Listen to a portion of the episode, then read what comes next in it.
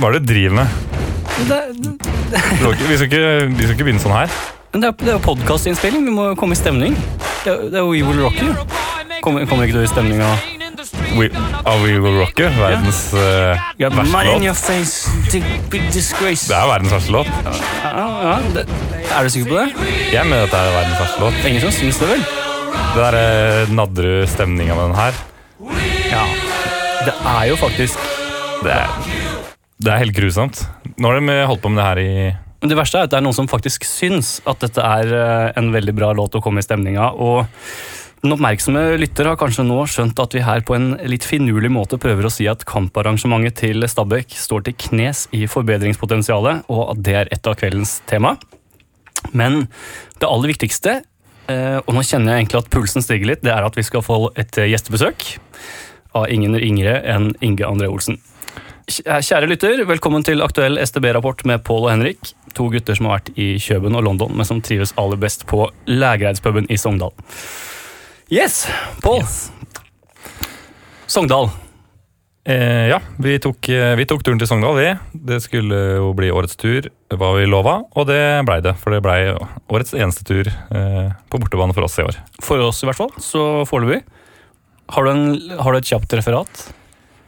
Ja, kjapt eh, referert, så vi, vi dro på hyttetur eh, egentlig på sånn skrivestue eh, fredag til lørdag. Da kom vi litt seint av gårde, litt rushtrafikk og litt mye å gjøre på jobben. Ja. Eh, men vi er da i gang med manuset til filmen vår om Stabukken. Mm. Eh, så dro vi til Sogndal, eh, hvor vi jo, som vi sa i forrige episode, måtte bo på Vi måtte ta til takke med en suite, rett og slett, fordi, fordi alt annet var utleid. Eh, og, Det, var, det var en skuffelse. eh, ja, det var en skuffelse. Vi betalte jo litt ekstra for det, men det var jo, det var jo som å bo på en gang. Ja, Som en sykehusgang, rett og slett. ja. Linoleumsgulv og, og ja, ja, det som hører med. men det var ikke det verste. Det var ikke det største bom, bom, bommen. Nei, vi eh, tok jo turen eh, Vi tok jo tidlig turen til Le- for å få med oss eh, Hull mot eh, Manchester United, eller City United, ja. Mm. Eh, vi var vel de eneste Hull-fansa eh, på den eh, puben, sånn i sekstiden. Ja. Etter, etter en god prat med personalet, så fant, fikk vi iallfall eh, red, rede på stengetider og hvordan det var med serveringen der. Og Mm. det, det var jo Det var ikke vi vant til. At uh, utestedet stengte to, og spritserveringen stengte allerede klokken ett. Nei, så det ble sånn julekvelden på kjerringa. Vi, vi glemte jo det. Ja, jeg hadde satt på alarm, heldigvis. Ja. Såpass rutinert uh, var jeg. Men uh, det, det var jo vanskelig å time. Kampen det var en slapp affære fra Stabæks eh, side. Det er greit å få med seg et poeng, kan vi ikke si det sånn? Sogndal var vel kanskje nærmest? Ja, alt i alt så er vel poeng, fornøyd med poeng. Det var jo et kjempe, ei kjempeskåring, kan vi si det? Ja, Birger Meling. fantastisk. Ja, det var, det var gøy. Ja, Han nye kameraten vår fra Costa Rica skulle vel kanskje også greid å rulle ballen i det åpne målet. Så sånn sett så kunne vi kanskje tatt alle, men alle tre poengene. Litt, eh, litt heldig kunne vært, men det var vi ikke som vanlig, da. Nei. Og hjem. Hjemover. Ja, vi hadde jo Det var jo Vi hadde flere mål med turen. Eh, Det, et av de store målene var jo vel å, å ta rekorden. Ja. Det er kanskje ikke alle som vet om det, men det er en uh, legendarisk Stabæk-rekord. eh, på strekningen Sogndal eh, til Oslo, satt av tidligere styreformann Jan Økern. Som vi møtte på fergen hjem, faktisk. Han lurte på har dere tenkt å ta rekorden. Det klarte vi ikke. og det er kanskje ikke så rart, fordi denne rekorden er da på 3 timer og 15 minutter fra Sogndal til Oslo, inkludert ferge og stopp på Gol med pølsespising. Ja, nå er det vel faktisk til Bærum og ikke til eh, Oslo, da. Ja, Det skal eh, sies. Så da er det ikke så imponerende med 3 timer og 15 minutter. Det er veldig imponerende. Eh, jeg, det var jo du som kjørte, Henrik. Ja, all ære til deg for å kjøre der. Men jeg satt og noterte meg hvor, det, hvor det er muligheter for å ta mer tid, da. Ja. Og det er, jo, det er jo mye svingende hvor, hvor du Kaste bort sekundene. Ja, kaste bort, du velger feil bane. Du Ja. bremser for mye ned. Ja. Ja. Det, så jeg tror du foreslår at eh, Jan Økern tar deg med på, på bane, rett og slett, og gir deg et lite kurs. Det er jo noen sånne klassiske bilturer faktisk i Stabøk-historien. En av de er jo Jevnaker borte i cupen i 1994. Der var det en politikontroll. Det var i hvert fall 15 uh, som mista lappen eh, på den, den turen ja, der. Nå skal ikke vi Faren min var en av dem. Ja, nå skal ikke vi sitte her i en podkast og diskutere hvem som mista lappen for 22 år siden. Det er vel ikke derfor eh, Det ikke derfor folk har lasta dette ned. er eller det. sitter på SoundCloud og klikker. Sogndal, eh, etter kampen Det er jo typisk da at de blir hetset på forumet eh, for å være et eh, møkkalag osv. Men eh, det er vi helt uenig i. Altså, innsats og taktikk er jo en del av fotball fortsatt, er det ikke det? Jo, jeg syns Sogndal uh, spiller selvfølgelig på grensen, de, men jeg syns de spiller en ærlig, oppofrende fotball. De, de er jo kyniske, de er um, De løper mye, de gir noen smeller og sånne ting, og det det, det er Det noe vi, vi, vi gjerne vil se, da. Ja, For det er jo sånn at hvis, hvis Skjønsberg river ned en fyr som er på vei gjennom, da hyller vi det. Men hvis en motstanderspiller eh, kakker ned Allan, eh, så er det liksom møkkalag og alt sånt. Er vi ikke eh, liksom litt sånn dobbeltmoralistiske der? I hvert fall på Stabæk-forumet. Det må være lov å si. Jo, det kan jo virke som at noen på det Stabæk-forumet er litt partiske, og det, det syns jeg er litt dårlig at de ikke, at de ikke er nøytrale, da, og ser alle passene Mm. En annen ting fra forumet som jeg er veldig lei av, det er at det er helt åpenbart noen eh, av spillernes familiemedlemmer eh, som tror de er anonyme. Som sitter der og sutrer over at sønnen deres ikke er god nok og har måttet gå til eh, Asker. Eh, Tiggs, hei hei. Og så kommer det alltid en eller annen sånn smartass og spør sånn her, ja, Mike Kjølu, er det deg? Eller noe sånt.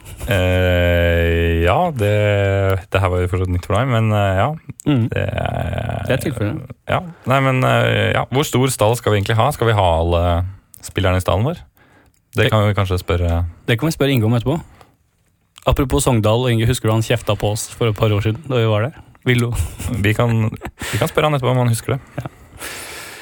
Vi begynte med å harselere litt med We Will Rock You og kamparrangementet. Eh, Det Ikke uten grunn. Nei, ikke uten grunn, for det er et kapittel for seg selv. Vi må i hvert fall ta opp to overmodne ting, og det går på musikk, eh, og det går på eh, tale, eller uttale, eller mangel på det, fra, fra spikerne sin side. Det er liksom vanskelig der, for det er jo en vanskelig øvelse å kritisere folk som stiller opp frivillig for Stabæk, og det er et stort problem at vi har litt få av den sorten. Men, men det, vi må bare snakke om det. Ja, det her har vi, vi har snakka om det her mang en gang. Eh, på stadion, eh, utenfor stadion, og vi har snakket om vi skal ta det opp i podkasten. Det skal vi. Eh, og det skal vi nå. Ja. For eh, We Will Rock You, vær så snill, kutt ut We Will Rock You. Vi må kutte ut den! Vi, vi, må, vi, må, vi må kutte ut We Will Rock You. Det er en forferdelig låt. Og ikke kom og si at oi, vi kommer til å gjøre det dårligere hvis de ikke har We Will Rock You. For vi gjør det jævla dårlig allerede. Ja. Det er ikke noe sånn at det, det er noe magisk ved We Will Rocky. Det setter ikke noe stemning med We Will Rocky. På ingen måte. Jeg blir, for, jeg blir, hvis jeg, kommer, jeg kommer faktisk seint på match for å slippe å høre We Will Rocky. Du er ikke alene om det. Eh, Det er en grunn for at Finn Alvarstein ikke har eh, rukket første omgang Noen gang. noen gang. Og så og så er det jo før kampen er jo én ting, men så pausearrangementet og pause vi skal vel faktisk ha, da, for at vi ikke har noen sånn pauseunderholdning, men, men musikken Altså nå for uh, I fjor, var det vel, så spilte de hver eneste pause så spilte de en 15 minutter sammenhengende lang versjon av Hold the Line live. Toto. Jeg liker, jeg, jeg liker det for så vidt, men det går ikke an å holde på sånn. Vi kan ikke spille sånn gubberock som det der. Når, altså, se på Junisport, det er ingen igjen. Vi må fornye oss. Nei, eh, vi eh, Jeg er enig med deg. Jeg er veldig glad i Toto og veldig glad i Hold the Line. Men for det første så syns jeg ikke man skal spille livemusikk eh, offentlig. Jeg synes Da skal vi gå for studioversjoner. For det andre så syns jeg ikke det er en riktig låt. Og jeg lurer på hva er motivasjonen hvis man bruker en halvtime på å tenke hva skal vi spille isteden. Så kommer man kanskje opp med noen bedre alternativer. Har du noen bedre alternativer? Jeg satt eh, fem til ti minutter på jobb i stad. Jeg må innrømme det. Jeg var på jobb. Det var helt på tampen, da. Så hva skal man spille? Vil man ha litt sånn Anthem-aktig? Ja, det vil man kanskje ha. Vil man ha noe litt ungt, litt friskt? Eh, ja, det vil man kanskje ha. Eller vil man ha litt sånn gammelt? Det er vanskelig å si. Jeg skjønner at man skal dekke alle her, men Mine, mine tre Kom med topp tre nå. Topp tre av de jeg tenker vi kan uh, bytte ut uh, We Will Rock You da. I pausen skal, kan vi ta neste gang. Mm. Unge Ferrari, Lianer. Mm. Åpenbart. Åpenbar uh, norsk hit. Ok, han er fra Hamar. Men han er jo venn med Arif, og jeg, jeg mener at vi kan komme unna med den. Stabæk-supporteren Arif. Eh, Jepp. Ja. Eh, ellers så kan vi kjøre på litt eh, mer pompøse ting. Eh, Aerosmith, Don't Want Miss a Thing. Mm. Eventuelt eh, Sting, Bryan Adams og Rod Stewart, All for One. Jeg føler at nå var vi over på karaokefavorittene her. Det er fine låter, da. Ja. Spikerne er jo også en, eh, et kapittel for seg, og der har vi dessverre en ganske stygg historikk, føler jeg. Helt fra Steinar Fjell. Rallet rundt på indre bane og sang i år så tar vi alt. Atle Høyvik eh, hadde vi en periode. Han ønsket jo velkommen til NM i håndball, og hadde masse sånn forferdelige kallenavn på alle spillerne, husker jeg. Martin Snekkeren Andresen og Ja. Han hadde det. Og nå, han som er nå, Frode, er det han heter? Ja, Trivelig fyr, eh, har jeg skjønt. Absolutt. Men han kan jo ikke Jeg vet ikke om han er dyslektiker, eller, men han kan ikke uttale et eneste navn eh, riktig, og det er litt pinlig. I hvert fall når det er på vårt eget lag. Ja. Igjen så syns jeg også at, uh, at vi kan kjøre en nøytral spikertjeneste. Mm. Uh, ikke en som på død og liv skal skape stemning blant de mellom 900 og 1500 som er på stadion der. Som allerede er litt lei Ja. av å være på kamp. Det var deilig å få det her ut. Eh, hvis det er noen som trenger eh, innspill på, på um, forbedringer av arrangementet, så er vi tilgjengelige, vi. På telefon og e-post. Facebook. Vi, jeg vet ikke om vi får gjort noe med det, men, uh, men vi kan gjerne være en sånn klagemur. Eh, tilbake til forumet. Eh, det var nylig et, eh, nylig et supportertreff med Etter hva vi skjønte, vi var ikke der selv. Og det var vi ikke alene om, for det var et veldig dårlig oppmøte. Ja, jeg ser at de klager på oppmøtet. Det var, jeg syns jo programmet var fint. Det var Alansinho, det var Inga André Olsen, det var treneren, og det var noen andre greier òg. Husker ikke hva det var. Men uh, jeg Det var Inge André Olsen, faktisk. Jeg sa ikke Inge André Olsen. Sa du det? Ja, ok, gjør det. Jeg hørte ikke etter. Ok, du gjorde det. Ja. Beklager. Ja, nei uh, Så jeg syns all ære til de som faktisk arrangerte det her. Jeg, eh, jeg har aldri vært på sånne greier. Eller, eller jeg var på, på Billis da Kristian Holte var der sånn på begynnelsen av 2000-tallet en gang. ja. men, men hva skulle man gjort liksom, for, å, for å lokke flere? Skulle man liksom lovet billig drikke og Thomas Giertsen og Otto Jespersen, liksom? Eller er det Ja, det blei ble gjort en gang, det. det. Ja, det stemmer, det. Ja, Det kom jo til og med i Budstikka, det. Ja, Eh, en fly forbanna pubvert eh, eh, politianmeldte falske invitasjoner, sto det der. ja. Eh, Det var hengt opp flyers og sånn, var det ikke det, på Bekkestua? Signert festansvarlig i Stabæk Support. Jo. Med, disse plakatnavnene jeg nevnte, Thomas Giertsen og Otto Jespersen. Og gjett hvem som fikk skylda for den? Jo, det var vel eh, gjengen vi representerte, det. Det var det. Eh, Det var jo ikke oss. Det var ikke oss, så vi kan eh, herved med hånd på hjertet si at det var ikke oss. Og jeg vet ikke om politiet fortsatt etterforsker den saken, men, eller om den er henlagt. Men hvis politiet hører på podkasten, eller pubverten hører på podkasten, så kan vi si det var ikke oss. Nei. Eh, Men en god idé var det jo. Eh, Ja, det var jo kjempeartig. En god, eh, en god spøk. Vi har lagt ut eh, det klippet på Facebook-siden vår, hvis Ja. noen vil lese det. Pål, eh, stadiondebatten den raser jo litt igjen både på forumet og andre steder. Kanskje litt utløst av at Er det ikke en sånn ny Telenor Arena-sak som skal opp til vurdering igjen? I noe formannskap eller noe? Jo, det er vel akkurat nå mens vi sitter her at det holder rasler. Ja. Rasler med sablene, de politikerne der. Mm. Så vi får se hva det blir til. Ja, Kanskje vi nå endelig skal få en avklaring på hva som skjer. Men det er jo litt vanskelig å vite helt hvor man skal stå. Uh, ja, jeg vet ikke Jeg vet Jeg skjønner ingenting av de greiene her, jeg. Men altså, eh, hadde vi fått en ny uh, Nadderud stadion, uh, litt mer oppgradert og moderne, så er det vel ikke noe tvil om at uh, alle ville valgt det, men det ser jo ikke ut som det er et alternativ akkurat nå, så lenge Telenor Arena står der den står, og har en uavklart eh, reguleringsplan på seg. Nei, jeg vet ikke hvor lenge vi kan eh, holde på som klubb sånn som vi gjør nå, ja, men det kan eh, Kanskje vi får svar på det snart. Det kan vi få. For da, Pål, min kjære venn, skal vi over til noe helt annet. Vi har jo sett at vi har hatt en jevnt fallende lyttekurve etter vår første episode, så det var på tide å ta noen grep og snu den trenden. Ja, det var det. Og i den anledning så har jeg kontakta Scandinavian Design Group for å utarbeide et nytt visuelt uttrykk og en ny logo for oss. Så jeg har troen på at dette kan bli en ny æra i podkasten. Så bra. Men det var, det var egentlig ikke det jeg siktet helt til. Uh, for det er duket for et uh, soleklart høydepunkt i vår podkastkarriere. For vi har nemlig fått inn vår eh, aller første gjest inn i studio. Og mannen som sitter sammen med oss, det er ingen ringere enn Søgnegutt, Stabæk-legende og sportssjef Inge André Olsen. Velkommen, Inge. Tusen hjertelig takk. Veldig hyggelig å bli invitert. Ja. Og også hvis jeg kan være trekkplass, så setter jeg pris på det. Ja, det er klart du er det. Eh, Du er jo en veldig opptatt mann, så vi setter stor pris på at du kommer. Eh, Du var vel i bygget her i kanskje om fem minutter før det begynte å ringe agentene og ja. Det er, det er en døgn du, du Ja, det er, det er ikke noe åtte til fire-jobb når man holder på med fotball. Det er Fotball er lidenskap og masse glede og følelser. Og, og telefonen er den du bruker mest i min rolle, og det er mye agenter og spillere egentlig omsetning hele året. Så Ja. selv om overgangsvinduene er stengt, og sånn, så holder vi fortsatt på med spillere. Vi kan signere kontraktsfrie spillere fram til 10.9., og etter det så er det jo selvfølgelig da med tanke på januarvinduet. Så bra. Ja, Hvis telefonen ringer eh, og det er en agent, så bare ta den, altså. Vi, ikke, ikke tenk på oss. Ja, det gjør jeg, også, setter det på høyttaler. Ja, vi, vi holder på. Ja. Eh, ja, takk for sist, forresten. Jeg vet ikke om du husker det, men eh, det var vel på Living Room i 2005, på opprykksfesten.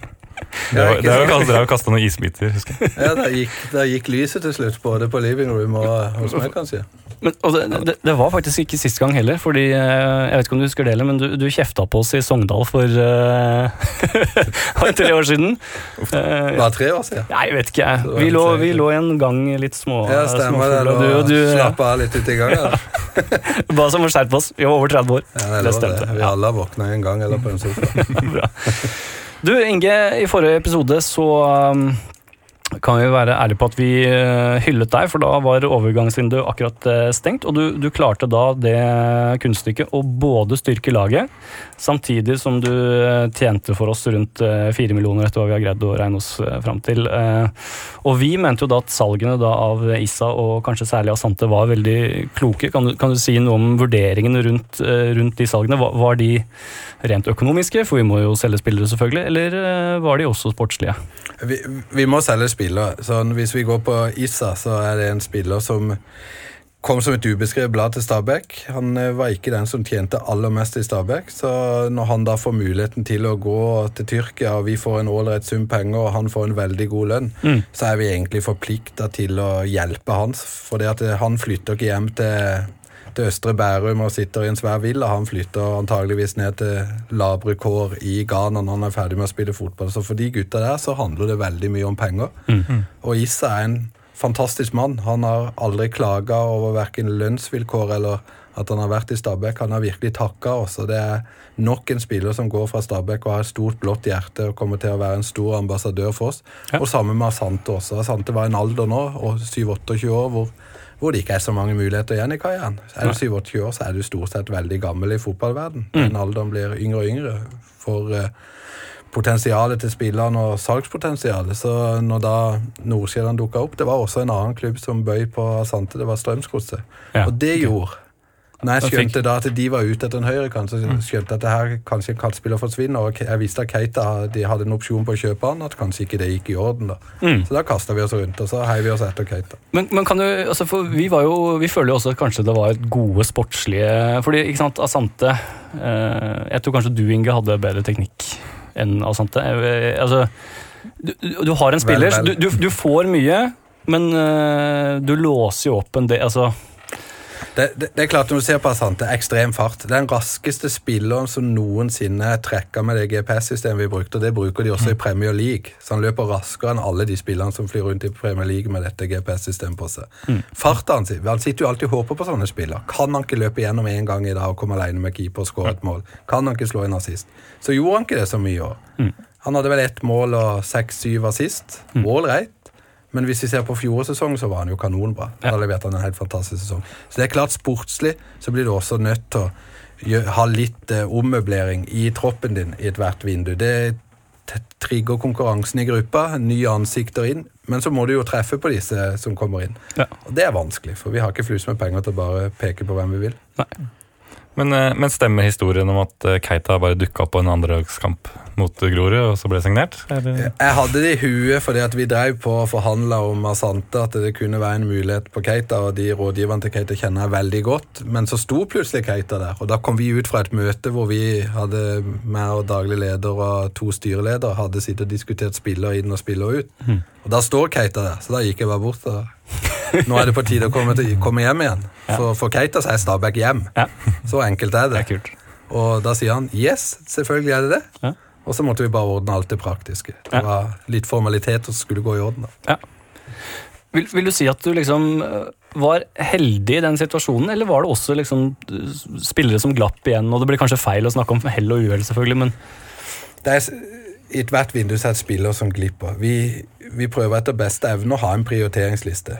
Mm. I vinter så var det veldig viktig for oss å få inn en spiss. Vi klarte ikke det når vi, vi solgte Diamando. Det var ikke tid til å hente inn en spiss, så istedenfor å hente en spiss, så henter vi Anton Jannan. Mm. Så skjønner ikke folk så mye av det, for det er en defensiv midtbanespiller. Vi solgte 17 mål i Tippeligaen og henta en som aldri har skåret et mål.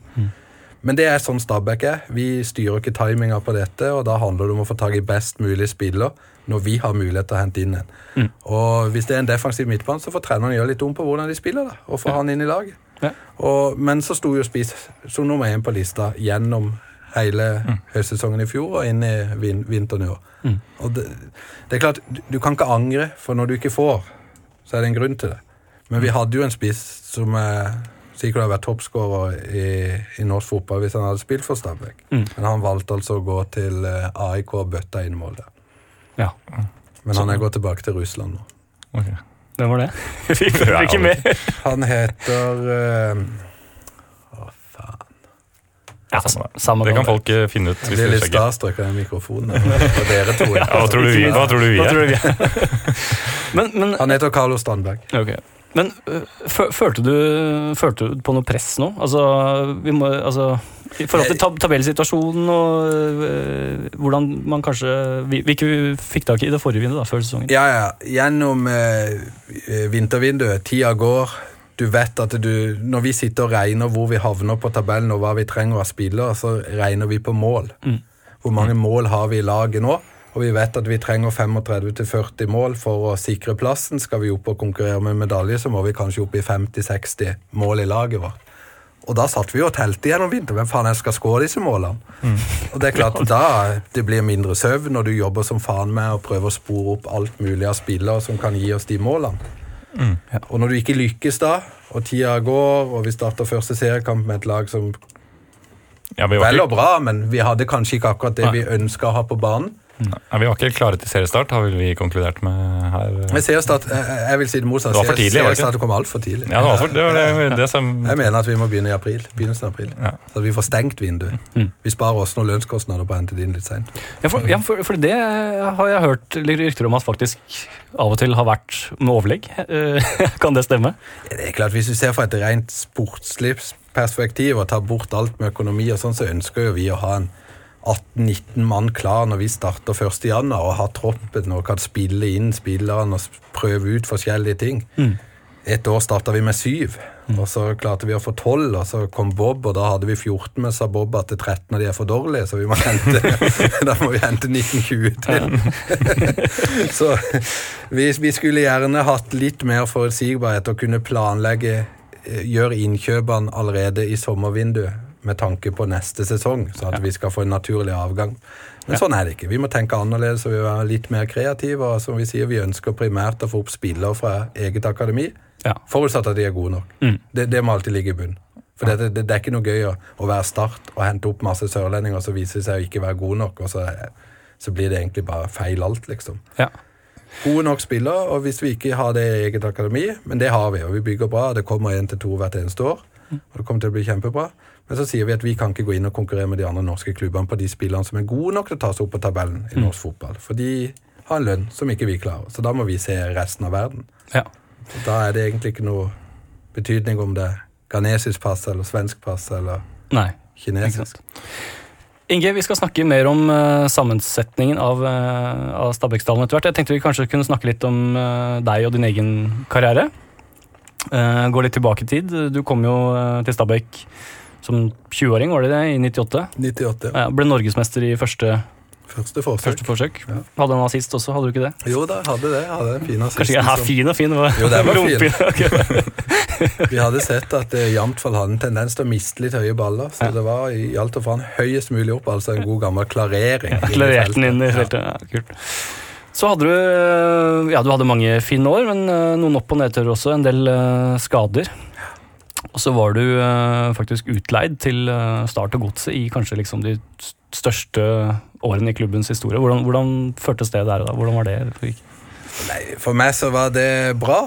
Jeg har alltid vært en type hvor det handler om å spille og være der det skjer. Og for meg å sitte på benken i Stabæk hvis det var alternativet å få en gullmedalje rundt halsen, det hadde ikke betydd noe for meg. Jeg vet at det betydde enormt mye for klubben å få disse resultatene, men for meg personlig så handler det om å spille og prøve å få ut det du hadde av kroppen din. Mm. Det var ikke så mye jeg hadde, da, for det var jo stort sett skade. skade. Og så, eh, så ble du i 2011 sportssjef. 33 år gammel. Det var- Det var tidlig. Hvordan hvordan fikk du jobben eh, som sportssjef, egentlig? Jeg kan ikke huske å sette den utløsningen. Jeg hadde jo en kontrakt som varte, skal vi se Ut 2010-sesongen. Og i 2009-sesongen så skjønte jeg jo at dette bar feil av sted, og at skader ville ta livet av karrieren min. Da hadde jeg Jeg hadde en hofte som var utslitt. Den har jeg skifta nå, så den er fantastisk. Så kan jeg løpe igjen. Og så hadde jeg en akilles som hadde vært operert et par ganger, som gjorde at hælbeina sånn begynte å vokse litt inn i sena og lage okay. problemer for meg. Så hvis jeg skulle komme tilbake på fotballbanen, så var jeg forespeila en operasjon med en rehab på ett år, hvor de skar løs noe av hælbeina og akillesen og skrudde det fast igjen. Og sånn. og da, da var jeg jævla lei av å sitte i de helsestudioene. Jeg syntes det var dritkjedelig. Mm. For det hadde jeg gjort så mye, og da tenkte jeg det her orker jeg ikke. Så slutta jeg å spille, og Stabæk ville ha meg inn i administrasjonen. Det kan godt være Stabæk vil det for jeg satt på ett år igjen av kontrakten. en ganske høy spørre, spørre om det. Det var mye billigere da ta meg over en administrativ stilling. Nei, Så jobba Ja. jeg sammen med Tom Skjelvan, da, ikke sant? som er en legende innen sportssjefverdenen. Har gjort kjempemye bra for Stabæk i veldig mange år, og Absolutt. fikk gå en god, god skole der. Henta deg, eller? Henta meg, best han gjorde det. Ja. Hadde, jeg hadde jeg ikke brukket bein, så hadde det sikkert vært en bra deal. det. Men eh, fikk lært masse der, og så var det andre selvfølgelig som bestemte når timingen var inne for at jeg skulle ta steg opp. Mm. Så det var en fin mulighet, og noe jeg virkelig setter pris på at Stabæk gjorde for meg. For det at, eh, sånn prøver jeg å være litt sånn i mitt arbeid også, at vi skal sette pris på de spillerne som virkelig gjør noe. Så den første jeg setter meg ned og forhandler med hvert år nå, det er jo Morten, selvfølgelig. Ja. Mm. Det fortjener han. Og så, så tok det jo ikke eh, lang tid før eh, du egentlig sto i eh, overgangssaken. og Vi snakket litt om det i stad, Inge. Du har egentlig aldri snakket noe særlig med, med pressen om den saken. men Går det an å si noe om den tiden? For du var fortsatt ganske ung da det smalt å stå i en sånn mediestorm. og, og Har du liksom lagt det bak deg, eller hvordan, hvordan var det der? Nei, Det var akkurat det der, vet du. Når du spiller fotball og er liksom kjent fotballspiller i, i Norge, i hvert fall, så får du masse oppmerksomhet. Så ble det litt stille i den der sportssjefrollen, og så måtte vi trøkke litt til, og så ble det masse oppmerksomhet. Så plutselig var det den nest mest omtalte saken i Norge. Det er klart eh, det, Du har jo noen valg her på veien, da. ikke sant? Du kan jo velge å legge, ned, legge deg ned og synes synd på deg sjøl. Og håper alle andre også syns synd på deg, eller du kan velge å fighte. Og jeg har egentlig hele min fotballkarriere fighta. Det har vært eh, oppturer, og så har det vært noen store nedturer som du må komme tilbake fra. Så da handler det om tunnelsyn, og så se hva er det du kan gjøre noe med. Og det fokuserte jeg på. Jeg kunne gjøre et bra arbeid for Stabæk, samtidig som jeg forberedte meg godt for både politiavhør og en eventuell rettssak. Men nå var det så dårlig kompetanse på dette greia vi opplevde hos politiet, altså, rundt fotballverden. Og jeg forstår det. Hvorfor skal en politibetjent ned på Asker og Bærum eller på Oslo politikammer skjønne hva som skjer i fotballen, liksom? Og da ba jeg til og med om å komme i egne avhør. etter hvert. De, kalte, de kaller jo alltid disse her sikta inn de, når de vil snakke med dem. Men jeg også ba om å få komme flere ganger for å prøve å forklare de mekanismene i fotball. Ja. For det følte jeg ikke ble inn. Så kan det godt være at jeg er jævlig dårlig til å forklare dette, da. For det endte jo i retten, selv om jeg trodde jeg hadde forklart det godt. Ja. Men det, det endte jo godt, holdt jeg på å si. Og, øh, hvordan var det? Fikk, ble du kompensert, liksom? For det, eller hvordan var det det Eller kokte det bort? Eller jeg husker ikke. Nei da. Det er jo alltid sånn når du urettmessig straffeforfulgt, da, så har du jo en sak mot staten, eller sivilrettsforvaltninga. Det er mer bare en sånn utmåling på skjønn da, som de gjør. Og så kan du velge å godta den, eller du kan velge å gå i retten og så se hva som skjer da. Og der var det sånn, For min del som hadde stått i arbeid og jeg følte ikke jeg hadde noe sånn der varig men av dette, at jeg klarte meg ganske greit. Ikke knaska en nervepille og ikke var jeg blitt alkoholiker, liksom. Så, så var det greit å bare akseptere den oppreisninga de kom med. Og så gikk vi jo da etter noen andre, Mm. hvor vi gikk med juridiske virkemidler. Og, og så er det jo sånn i denne verden at så lenge du ikke havner i retten, så blir jo alt sånn konfidensielt. da, Så jeg kan jo ikke gå inn og si at det var Nei. den og den og den. Nei. Men jeg sa jo at det var en del folk som hadde gjort oss urett, som vi skulle ta. Mm. Og vi gikk etter de aller fleste av de, og vi gikk etter Michel Platini. Mm. Og, var, og sendte prosessvarslet an, men uh, da skjønte vi at, eh, at vi møtte et litt for stort tog med skarpskodde advokater og en litt for stor pengesekk at vi skulle sitte og krige med dem. Ja, han eh, framsto jo som en helgen, han eh, Platini. Ja, han gjorde jo det. Og så, så kanskje det hadde vært riktig å kjøre hele løpet, men lommeboka var ikke stor nok. Opp, hvordan var det? Altså, opplevde du mer støtte liksom, i Stabæk og miljøet rundt enn en f.eks. en Truls Håkonsen uh, gjorde? Det er vel kanskje Jeg tror nok du så forskjellen på, på klubbene, andre klubber og Stabæk i den saken der, hvor Stabæk er det vi kaller en liten familieklubb. Det er det vi også skal være. Folk skal ha det trygt hos oss, vi skal, de skal få lov til å ta ut potensial, og vi står sammen. Og det så vi til de grader, mens vi så kanskje motsatsen til det i Vålerenga. Vålerenga, ja. Og det er klart at meg og Truls snakka jo masse sammen i den perioden der. ikke sant? Du, du, du, du, snakker alltid med de som er på lik linje som det er andre kriminelle, der, ikke sant? så, så, så jeg syns jo veldig synd på han. Ja. Det presset han ble utsatt for der. Og, og, og, og så endte det jo med en grei løsning for han til slutt. da. Ja, Hva er det Truls Håkonsen gjør i dag? Vet du det? Ja, nå jobber han eh, eh, Ja, hva gjør han? Jeg tror han eh, jobber i noen selskaper som bygger litt hus og sånn sammen med broren sin og andre på Hamar. Ja. Så jeg tror han har kommet eh, greit ut av Men det er klart at når han forsvinner ut av fotball, så er det klart du, du mister jo livsgrunnlaget ditt, ikke sant? Mm. Over natta. Mm. Og hva han ble kompensert med eller ikke, vet jeg ikke, men det er klart han har jo en bra sak mot eh, staten. Mm. Dette gikk jo over eh, etter hvert, eh, og det har jo etter hvert blitt lagt merke til hva du har utrettet i Stabæk med, med små midler til rådighet, og da kom jo til slutt tilbudet, etter hva jeg har skjønt, fra, fra Sørlandet og Start, eh, din gamle klubb. Du valgte å, å bli i Stabæk. Hvorfor, hvorfor det? Nei, først og fremst jeg skjønner at du har fått litt lønnspålegging lønnspålegg, Inge. Det, Ja da, da tok vi og tømte bankkontoene, så gikk det i orden. Nei, det Først og fremst så er jo jeg et blått hjerte. Når jeg var liten guttunge og vokste opp på Sørlandet, så var jo det selvfølgelig stort gult og svart hjerte. Jeg sto og hang på gjerdet på Kristiansand stadion og kikka på Erik Mykland og på Lydersen og Mm. jævla mange gode spillere, ikke sant? Og Helge Bjønnes. Helge Bjønsås. Bjønsås var det. Ja. Helge Bjønsås, skjønner du. Første gang jeg trente med A-laget til start, så var han litt sånn ja, Han skulle sette unggutta på plass, da. Mm. Så når jeg skulle gå ut av garderoben, så dro han igjen døra før meg og sånn, ikke sant, det der greiene der. Det gjorde med Helge da. Gikk ut og grisetakla han i første taklinga. Da var det ferdig. Da var det slutt. Det gjorde jeg da jeg kom til Stabæk også. Første treningsleir var på, med Stabæk var i Sverige. I Stabæk så drev de bare og spilte sånn klikk-klakk, vet du. Det var aldri noe takling. og de- fikk sjokk når jeg kom inn i firkanten, og jeg meide ned Karl Petter Løken. Men da var standarden satt. Det er Ja. viktig å sette seg i respekt. Ja. Ja, det er bra. Men ja.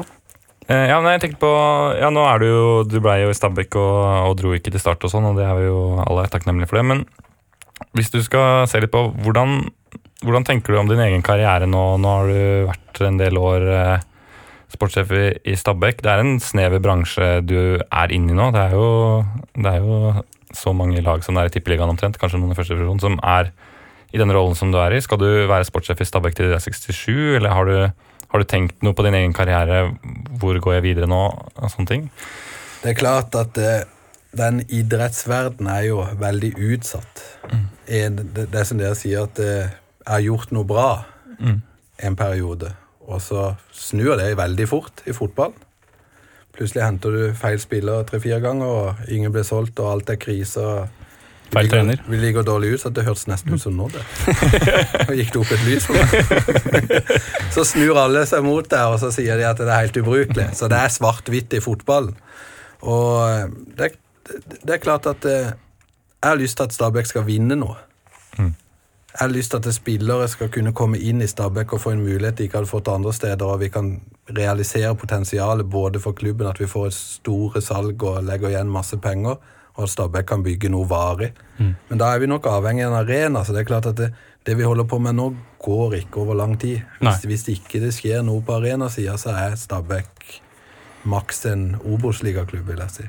Ja, du mener det. Hvor, hvor, eh, det ønsker vi gjerne å prate, prate litt om. Hvordan, eh, hvordan ser du på det? Hvor lang tid kan man trå vannet på Nadderud sånn i, i dagens forfatning? Vi klarer det jo nå pga. Dio. Mm.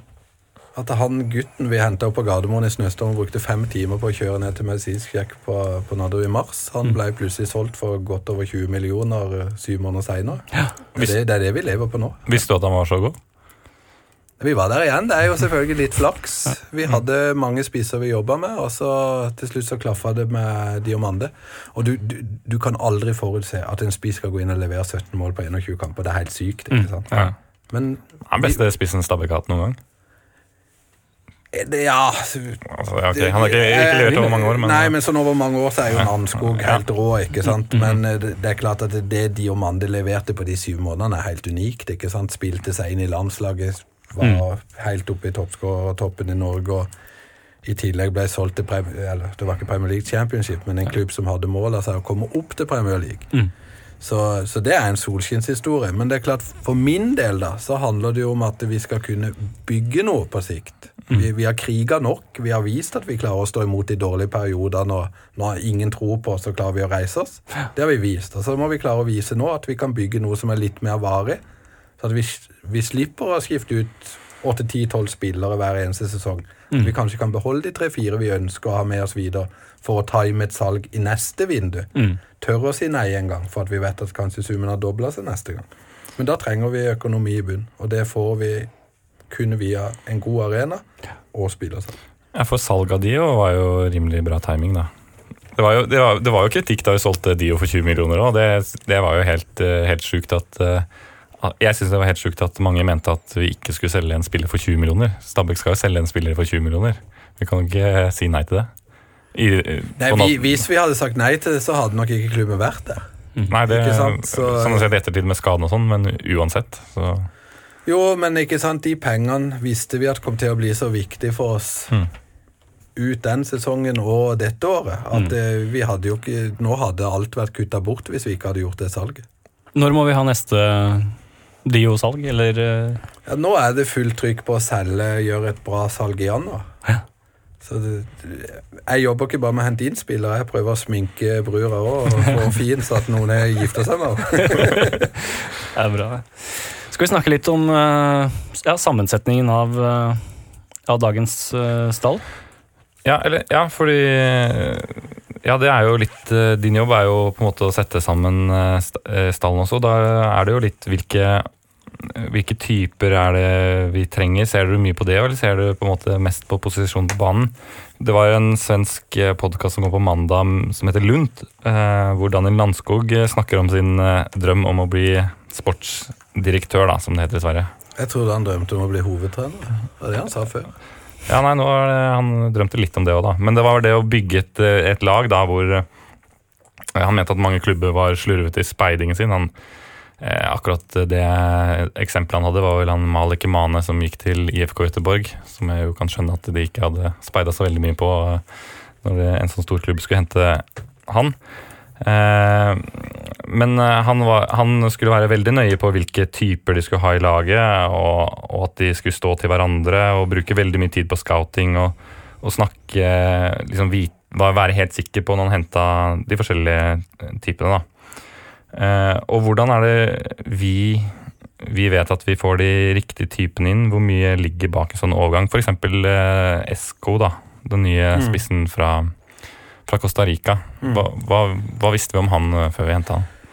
Sånn som en sånn en overgang fungerer, så får vi et tips om en spiller, og så prøver vi å få sett mest mulig på spilleren på noen sånne verktøy vi har, som heter Instat Scout og Vice Scout og sånn, hvor alt av kamper nesten i hele verden ligger. Football manager. Ja, det bruker vi ikke.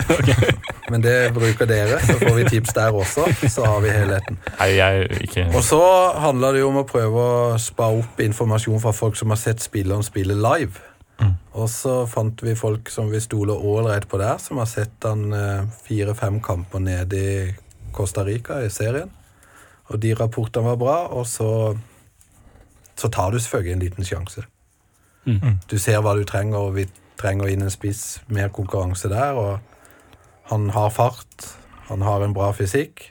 Og så vet du aldri om målet han kommer, men vi tror iallfall at fart og fysikk, så at vi kan true mer inn bak motstanderen, skal skape rom for de gode ballspillerne vi har bak han. Mm. Samtidig som vi, vi, vi trenger den trusselen. Og så får vi se om han skårer ett mål eller ti, eller var han klar? Men, men hvordan, hvordan vet du hva slags det er, ok, Man har sett han i kamp, men man vet jo ikke helt hva slags type han er i, i garderoben, eller hvordan han vil stå til gruppa. og sånne ting. Det er, det er jo sikkert mye større når du henter noen fra Afrika eller Costa Rica eller Mm. Brasil fra den delen. Eh, Det, det er jo alltid det som er det store spørsmålet. Hvordan er mentaliteten til Mm. spilleren? Hvordan funker han i en ny garderobe? Og det er det absolutt vanskeligst å finne ut av. Hvis du ikke har folk som har sittet på sidene i garderoben. Det hadde vi ikke med Esko. Så da måtte vi stole på det vi så ute på banen. Og så, må vi, så vet vi at gruppa vår er tilpasningsdyktig. Det har vært mye spillere innom der de siste årene. Det har vært mange kamerater av de som har forsvunnet ut dørene. Mm. Og de da glir det på plass hvis ikke spilleren er helt idiot, liksom, og helt umulig. Mm. Det, du, du kan tenke den gruppa vi hadde i fjor, ikke sant, med El Ganassi. På godt og vondt, altså. Ja. Mm. Du hadde Keita som kom inn der, ikke sant, som Mm. skal ha sin plass. Og det er klart at når du håndterer sånne greier og får det til å funke, så er det ganske mye som skal gå galt med en spiller for at han ikke skal funke inn sammen med Morten Schjønsberg, som bare tar de under armen og sier 'sånn er det i Stabæk', sånn Mm. blir det. Men men for, akkurat der tenkte jeg på sånn der, I godset så virker det som at Keita kanskje er litt sånn derre eh, ja, hva skal Uromoment? Si? Ja, uromoment, og han er han, han tuller mye. Nå hørtes jeg litt gammel ut. Kødder mye. Men, eh, men eh, i Stabæk så føler jeg litt mer at vi omfavner den typen, da. Eh, Han går rett inn i den Holmlia-klikken vi har gående. Ja, ja, men eh, du, du blir nødt til å ha et mangfold inne i en fotballgarderobe, og så, så er det et hierarki.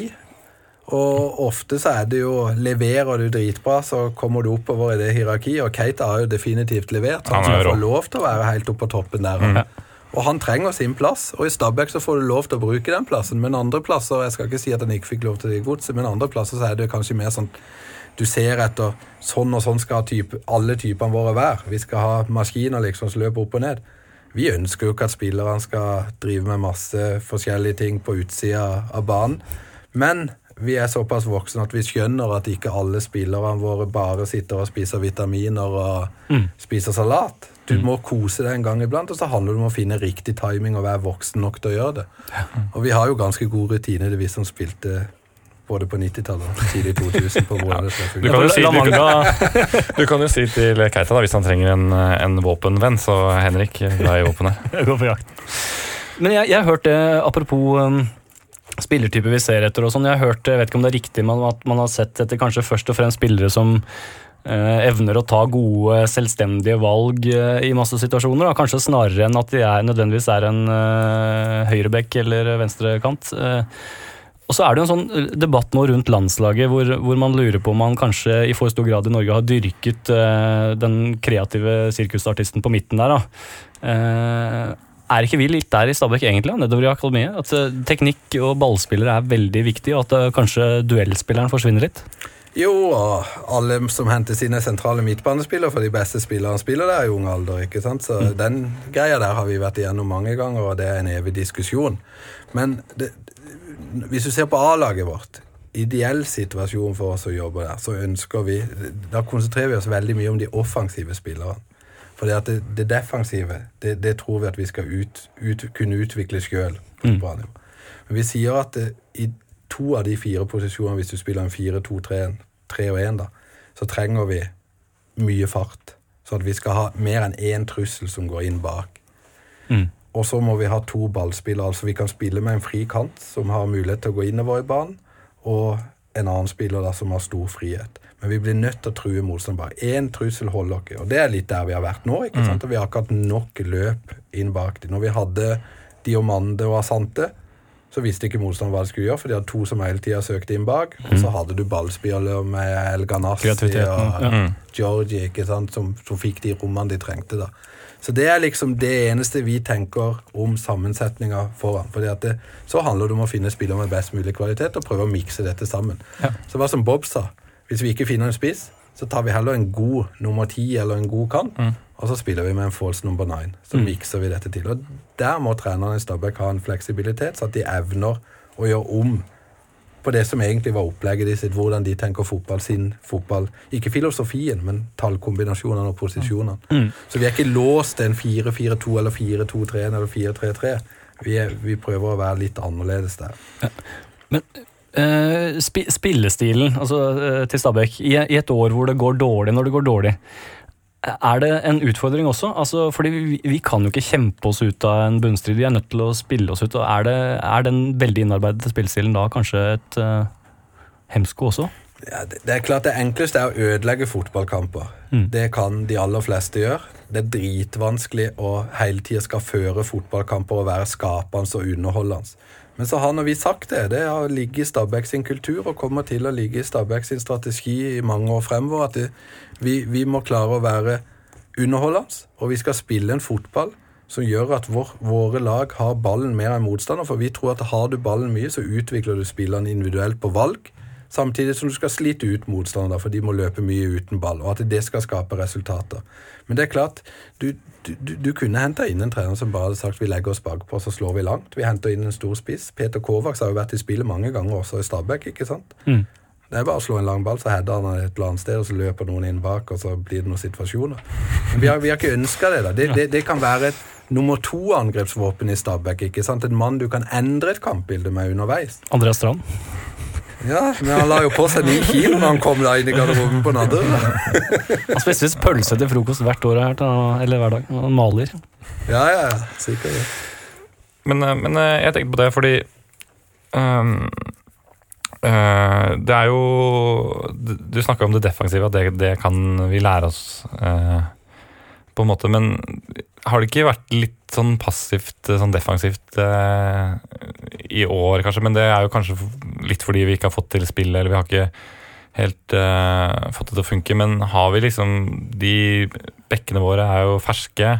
Du har Skjønsberg, eh, og så har du Ness som har spilt. Men de er jo ikke de største gutta. De er jo ikke de som eh, tar de hardeste taklingene. Eller, altså, og, og liksom tilsynelatende iallfall ikke har liksom den, de knallharde stopperne som man som supporter gjerne vil se. Og mangler vi kanskje ikke liksom litt de typene? Det har jo ikke vært så jævlig mange av de. Det har vært André Flem og han Inge André Olsen og Ja. Du, du, du, du ser internasjonal fotball, hvordan midtstopperne begynner å se ut. Det er tynne spillere, atletiske, ikke sant? mobile spillere. Selvfølgelig har de godt med muskler, og sånn, men det er sjelden du ser de der kjøttstopperne. Fotballen utvikler seg, stiller større krav til bevegelighet og evnen med ball. Men det er klart, når du, når du ser et lag spille fotball, og et lag som spiller godt forsvarsspill, så begynner det ofte med de som ligger lengst frem. Ja. At de setter et godt press for å gjøre avstandene i laget, at du kan stå høyere med backfire. Hvis en backfire blir utfordra gang på gang gjennom en kamp, så har du problem som forsvarsspiller. Ja, for det har jeg sett på, i hvert fall på Sogndal, de to kampene som vi har vært, da, hvor mye han eh, spissen der i hvert fall sånn tilsynelatende jobber på Ramsland, ja. ja, og er liksom oppe i forsvarene våre. og De får jo ikke hvile noen ting, da. Og det er jo eh, Det, det vil man jo gjerne se. Eh, Det er litt sånn som når vi hadde Diomande der, som jobba ræva. Altså, Ja. Altså, var Ja, pain in the ass for enhver forsvarsspiller på motstanderlaget. For han var alltid oppi og knuffa og Mm. dytta i de og spark. Klart det blir mye lettere for Morten å kunne stå høyt med linja da, og det rommet som er mellom midtbane og backfire blir lite. Det er vanskelig å spille seg inn der, og da kommer det ofte en lang ball, og da har du kontroll, for da er den 40 meter lang, ikke sant. Så, Og så er det sånn, som du sier, at vi har slitt mer forsvarsmessig i år, men det er også et lag som har slitt Mm. forsvarsmessig. Og så kan du si vi tok noen valg, vi. ikke sant? Når Ville hadde en mulighet i HJK, men kunne også blitt. Og vi sa vi satser på en egen spiller, vi. Vi Ja. satser på Daniel Granli. Nå, nå gir vi han all trygghet i verden og sier du spiller der. Punktum finale. Mm. Vis at du tar den plassen. Birger visste vi jo at det var i full utvikling. Ja. Ja. Fantastisk sesong. og Mm. Bare la han få bli en sånn blomst som virkelig slår ut nå i løpet av dette året. det, er han, det er han du skal selge i januar? Eller? Nei. Nei, ja, har vi sjanse til han, må, han har ikke kontrakt, har han ja? Nei, han skriver ny kontrakt. Ja, okay. Ja, ja. Du, det var godt å høre. Han har kontrakt. Det kommer vi til å skrive. Han har kontrakt til neste, neste år. Har han det? Ok, Ja, ja. jeg tror ikke det. er Riktig. Så, så det, det, det er klart at det, når man kommer inn på diskusjonen om eh, den rene forsvarsspilleren, så, så skjedde det et skifte i norsk fotball i 2003, 2004, 2005, hvor det ble stilt plutselig mye større krav til at midtstopperen skulle føre gjennom ledd og nesten være spilfyrer. da. Men for det, det er jo en diskusjon på landslaget nå også. Er Forsvaret for dårlig? Har vi ikke noen midtstoppere? Det, det har jo blussa i media den siste uka, det. Men vi har jo ikke Har vi det i Norge? Er, er Norge og Stab Stabæk er det samme laget, egentlig? Du har en annen type midtstopper i Norge i dag enn du hadde for 15 år siden. For Prien for en midtstopper da var å hindre mål imot. Ferdig. Hvis du var dritgod på det, så spilte du. Mm. Og så handla det om å klare å få han til å slå ballen bare fra A til B. Putte han opp av midtbanespilleren, så får han gjøre resten, liksom, sammen med de offensive spillerne. Og vi har nok glemt litt det. Og så er det sånn jeg husker når jeg kom til Stabæk også, for jeg var en spiller som måtte spille på fysikk og tøffhet og duellstyrke, at vi gikk hele vinteren hvor jeg følte at det var jo aldri en duell. For vi trente på kunstgress da, i 98, ikke sant? Ja. Og spillet var langs bakken og klikk-klakk og sånn, og så møtte vi ofte, eller iallfall en gang iblant, Strømsgodset nede i Fredrikstad eller et eller annet på en dårlig gressbane, og så plutselig sto Jostein Flo der, og så gikk alt i lufta. Og faen, dette har ikke vi holdt på med hele vinteren. Og så tapte vi 3-4-1, liksom. Ja. Så trengte vi et par sånne kamper før vi fikk en vekker at her må vi også spille mer kynisk. Mm. Og det er klart at eh, fotballen i dag internasjonalt går jo mot den ballbesittende stilen. Har spillere med gode nok ferdigheter i alle posisjoner. Men vi har nok glemt bort litt det derre hva er viktig for en forsvarsspill? Det er å hindre mål fortsatt. Du kan være dritgod offensivt. Hvis det renner inn hver gang ballen er i nærheten av deg, så har du et problem. Du Liksom. må i hvert fall i tippeligaen kunne forsvare deg på defensiv dødball. Liksom. Det, Ja, det var vi ganske gode til mot Tromsø. Du, Inge, eh, vi har en liten sånn analyse av um, Asdalen. Du får eh, si om du er enig eller uenig i følgende påstander. Og nummer én at det er litt dumt å ha en utenlandsk kvotespiller som eh, reservekeeper. Enig. Ja. Vi trenger en høyrebekk.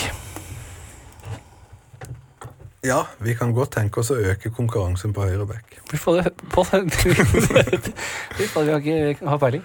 Vi trenger en Jesper Jansson-type, en karakter, en svær eh, jævel på midten. Han er for treg, For Treg. Men vi trenger en med den mentaliteten. Ja. Agon Mometi, og vi elsker Agon Mometi. Han er en stor helt faktisk blant fansen. Eh, Men uansett hvor mye vi digger han, så er han en 4-4-2-spiss. Det er jeg ikke helt enig med deg, men eh, det er klart at hvis du spør Agon og spør oss, så har nok han og, både, og vi større forventninger til mål og sjanser på han. Og det tror jeg han er helt enig i. Og så er det klart at det, noen spillere tar litt lengre tid å spille inn, og andre spillere klikker med en gang. Men eh, egentlig så spiller vi med en sånn second striker, da, den nummer ti-rollen. Mm. Når når Keita, hvis Keita spiller der, så skal egentlig han være en sånn second som også stikker inn bak og kobler opp. Ja. Så det, det, det er små nyanser i disse tallkombinasjonene. Lett, letter man egentlig vi, vi, vi vet jo noen man drev og kanskje hadde på en liste, en uh, GB Fall osv. Letter man egentlig etter en annen type, en mer eh, Dio-lignende murbrekker? Ja, det er klart, når du har solgt de, Dio for mangfoldige millioner kroner henta han veldig billig og bare hatt han syv måneder og levert masse mål, så skulle vi gjerne ha putta inn en Dio-kopi. Og det er klart at det, alle klubbene i Europa ser etter spissen som skårer mål. Og det er lettere, min påstand er at det er lettere å selge en mørk spiss som skårer mål, enn en hvit en. Iallfall der vi er mm. som klubb. Er du i de store ligaene, og sånn, så går jo disse spillerne uansett. Men eh, det er noe spesielt med det er fart og kraft og den pakka du kan få fra Nigeria, Ghana og Elfenbenskysten og sånne steder. Eh, Jeg lurer på om vi skal runde av litt den, eh, Ja. den greia her. Men eh, hva, hva tror du om Nanskogs kvaliteter som sportssjef? Blir han for lett? Har han kunnskapen? Nanskog har mange meninger. Jeg tror fort at eh, han hadde slamra litt hardt i dørene, så det kunne blitt litt misnøye rimelig kjapt. Og så, og så har han et romantisk syn på fotballen, og, og, og Nanskog ser nok veldig mye tilbake på det vi gjorde under Janne, som var veldig bra og funka fantastisk i Stabæk. Men det gjorde vi også. Så kom det inn en spanjol som sa at det der greiene der, det er avleggs, det. Det var i 2008. Vi må endre, vi må tenke annerledes. Ja. Og da blir det ofte at du får din ny kunnskap, som også er viktig å ta med seg på veien. Men det er klart Nanskog har viljen, han har huet, han er en vinnerskalle. Så på de områdene så skårer han helt topp. Og så er det ikke så enkelt at du bare kan gå ut og scoute en spiller 10-20 ganger for å være sikker på at han du tar inn, er riktig. Nei, for, for For da du, har de andre plukka han opp som har penger. Ja. Iallfall når du jobber i Stabæk eller i Start eller hvor det måtte være. Eh, ja, ikke sant? Eh, ja, for det Hvis vi går eh, litt eh, videre, da. eh, for Nanskog i den podkasten, og så Pontus Farnerud har vel også vært intervjuet i den, så er det jo mange som mener at Stabæk er en spesiell klubb. Det er mye Det er en spesiell kraft der, det er mange som bryr seg. Pontus Farnerud sier at det er mye kjærlighet. Og jeg, jeg, tror, jeg tror dem eh, på det. Chippen Wilhelmsson sa vel egentlig at han bare spiste chips og drakk cola, og vant alle fysiske tester. Det var det han sa om Stabæk. men, eh, eh, men jeg lurer på den kjærligheten og den eh, kraften som de hevder til. Eh, sånn som når våren var og sommeren var, og eh, følte på en måte at hele den, den kraften var i ferd med å brenne ut. Er, det, er vi for få? Eh, hvor, eh, hvor man på en måte blir litt sånn apatisk, eller man blir litt sånn lei. man blir eh, litt sånne ting. Eh, og så kommer jo selvfølgelig hele den der eh, Alansinho tilbake, og hele den aksjonen, og det viser at det er jo faktisk mange som bryr seg. Så kanskje det snur nå, men kan vi belage oss på at det snur nå, eller eh, hvor mange må vi trå til på samme måten neste år igjen? Og ja, det, jeg er litt sånn opptatt av den energien da, som hvor mange sånne tåler vi, som har vært nå? Og hvor lenge tåler vi å være der vi er nå? Ja, Stabæk som klubb eh, vil jo bestå uansett. Det spørs jo bare på hvilket nivå. Men eh, det er klart at det, det er få folk som eh, jobber ekstremt mye i Stabæk. Og det er supportere som er helt fantastiske, altså, som støtter opp. og det er ikke ofte jeg har hørt et negativt ord under kampene fra Stabæk Support. Det kan godt være dere hører mye mer enn meg. Ja, det er vel oss to, da, i så fall. ja, ja, ikke sant? Men, men det, det er greit, liksom. Men vår opplevelse, da, som ikke står midt oppi det, er at Stabæk Support alltid støtter opp. De er der alltid uansett. Det er to fine, veldig fine ord som noen smarte folk fant på. Ja, det, Og de er veldig, bete de er veldig betegnende for, for eh, Stabæk som klubb, syns jeg. At vi står sammen. Og så vet vi at vi kommer til å gå på noen smeller, og så vet vi også at vi kommer til å få noen hyggelige stunder. Men det er klart at eh, energien forsvinner jo når du spiller dårlig fotball. Hvis du ikke leverer resultater, og man jobber ræva av seg, og supporterne jobber ræva av seg og gjør alt de kan, så føler jeg sikkert klubb, klubbledelsen er handlingslamma, ikke sant? for man sparker ikke treneren kjapt nok og sånn. ja, ja. Og så, har vi, ja, og så, så er våre vurderinger hele tida at vi skal ta hensyn til resultater og et menneske og juridiske ting. og Jeg tror ikke vi var så uenige når det blåste, liksom, men vi hadde en del ting vi måtte gå gjennom før, før vi ble enige med Billy da, om at eh, dette var riktig å gjøre. Men det er klart, det, det tapper energi. Det gjør det for oss også. Mm. Og når du spør om det har snudd, eller om det kommer til å snu, så, så tror jeg det har snudd. Ja. Vi, vi konkurrerer i alle kampene, og så handler det Ja. nå om å ta de siste 5-10 prosentene, så at vi gjør noen av alle disse uavgjort-kampene til seier og tre poeng. Er det ikke et gunstig tidspunkt å møte Rosenborg, egentlig? Jeg syns de har sett de Austravian, de, de så ikke helt uh... Jeg tror det passer oss veldig bra å spille mot Rosenborg. For det, det er mye vanskeligere å hele tida skal skape noe mot elleve spillere. Rosenborg kommer til å angripe oss, de kommer til å kjøre fram masse, det kommer til å bli mye rom. Hvis vi klarer å spille hurtig nok og bruke de kvaliteter vi har laget, så kommer det til å være en helt åpen kamp. Og da handler det om detaljer. Sette sjansene du får, og hindre motstanderen å skåre målene. Men jeg, jeg tror den motstanden passer oss veldig godt. Så blir det en gøy Det er en ny kamp med fulle tribuner og Ja, det er bare dritkjedelig at det er så mange barter som kjøper billetter nå. Ja, det er det, ja? Ja, så Bærumsfolk må virkelig hive seg på og komme på stadion.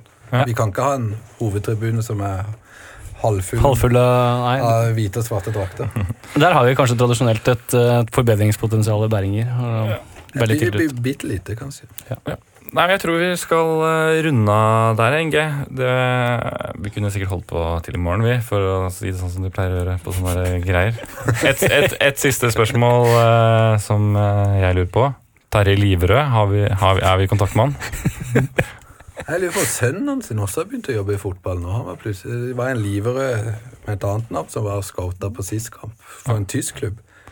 Men vi har ikke, siste tida har vi ikke vært veldig close med Liverød. Nei, ring Liverød, da får vi noe bra nå. Det er vel vårt tips. Det er deres tips. Takk for nå. Yes. Tusen takk, Inge. Bare hyggelig. Ha det.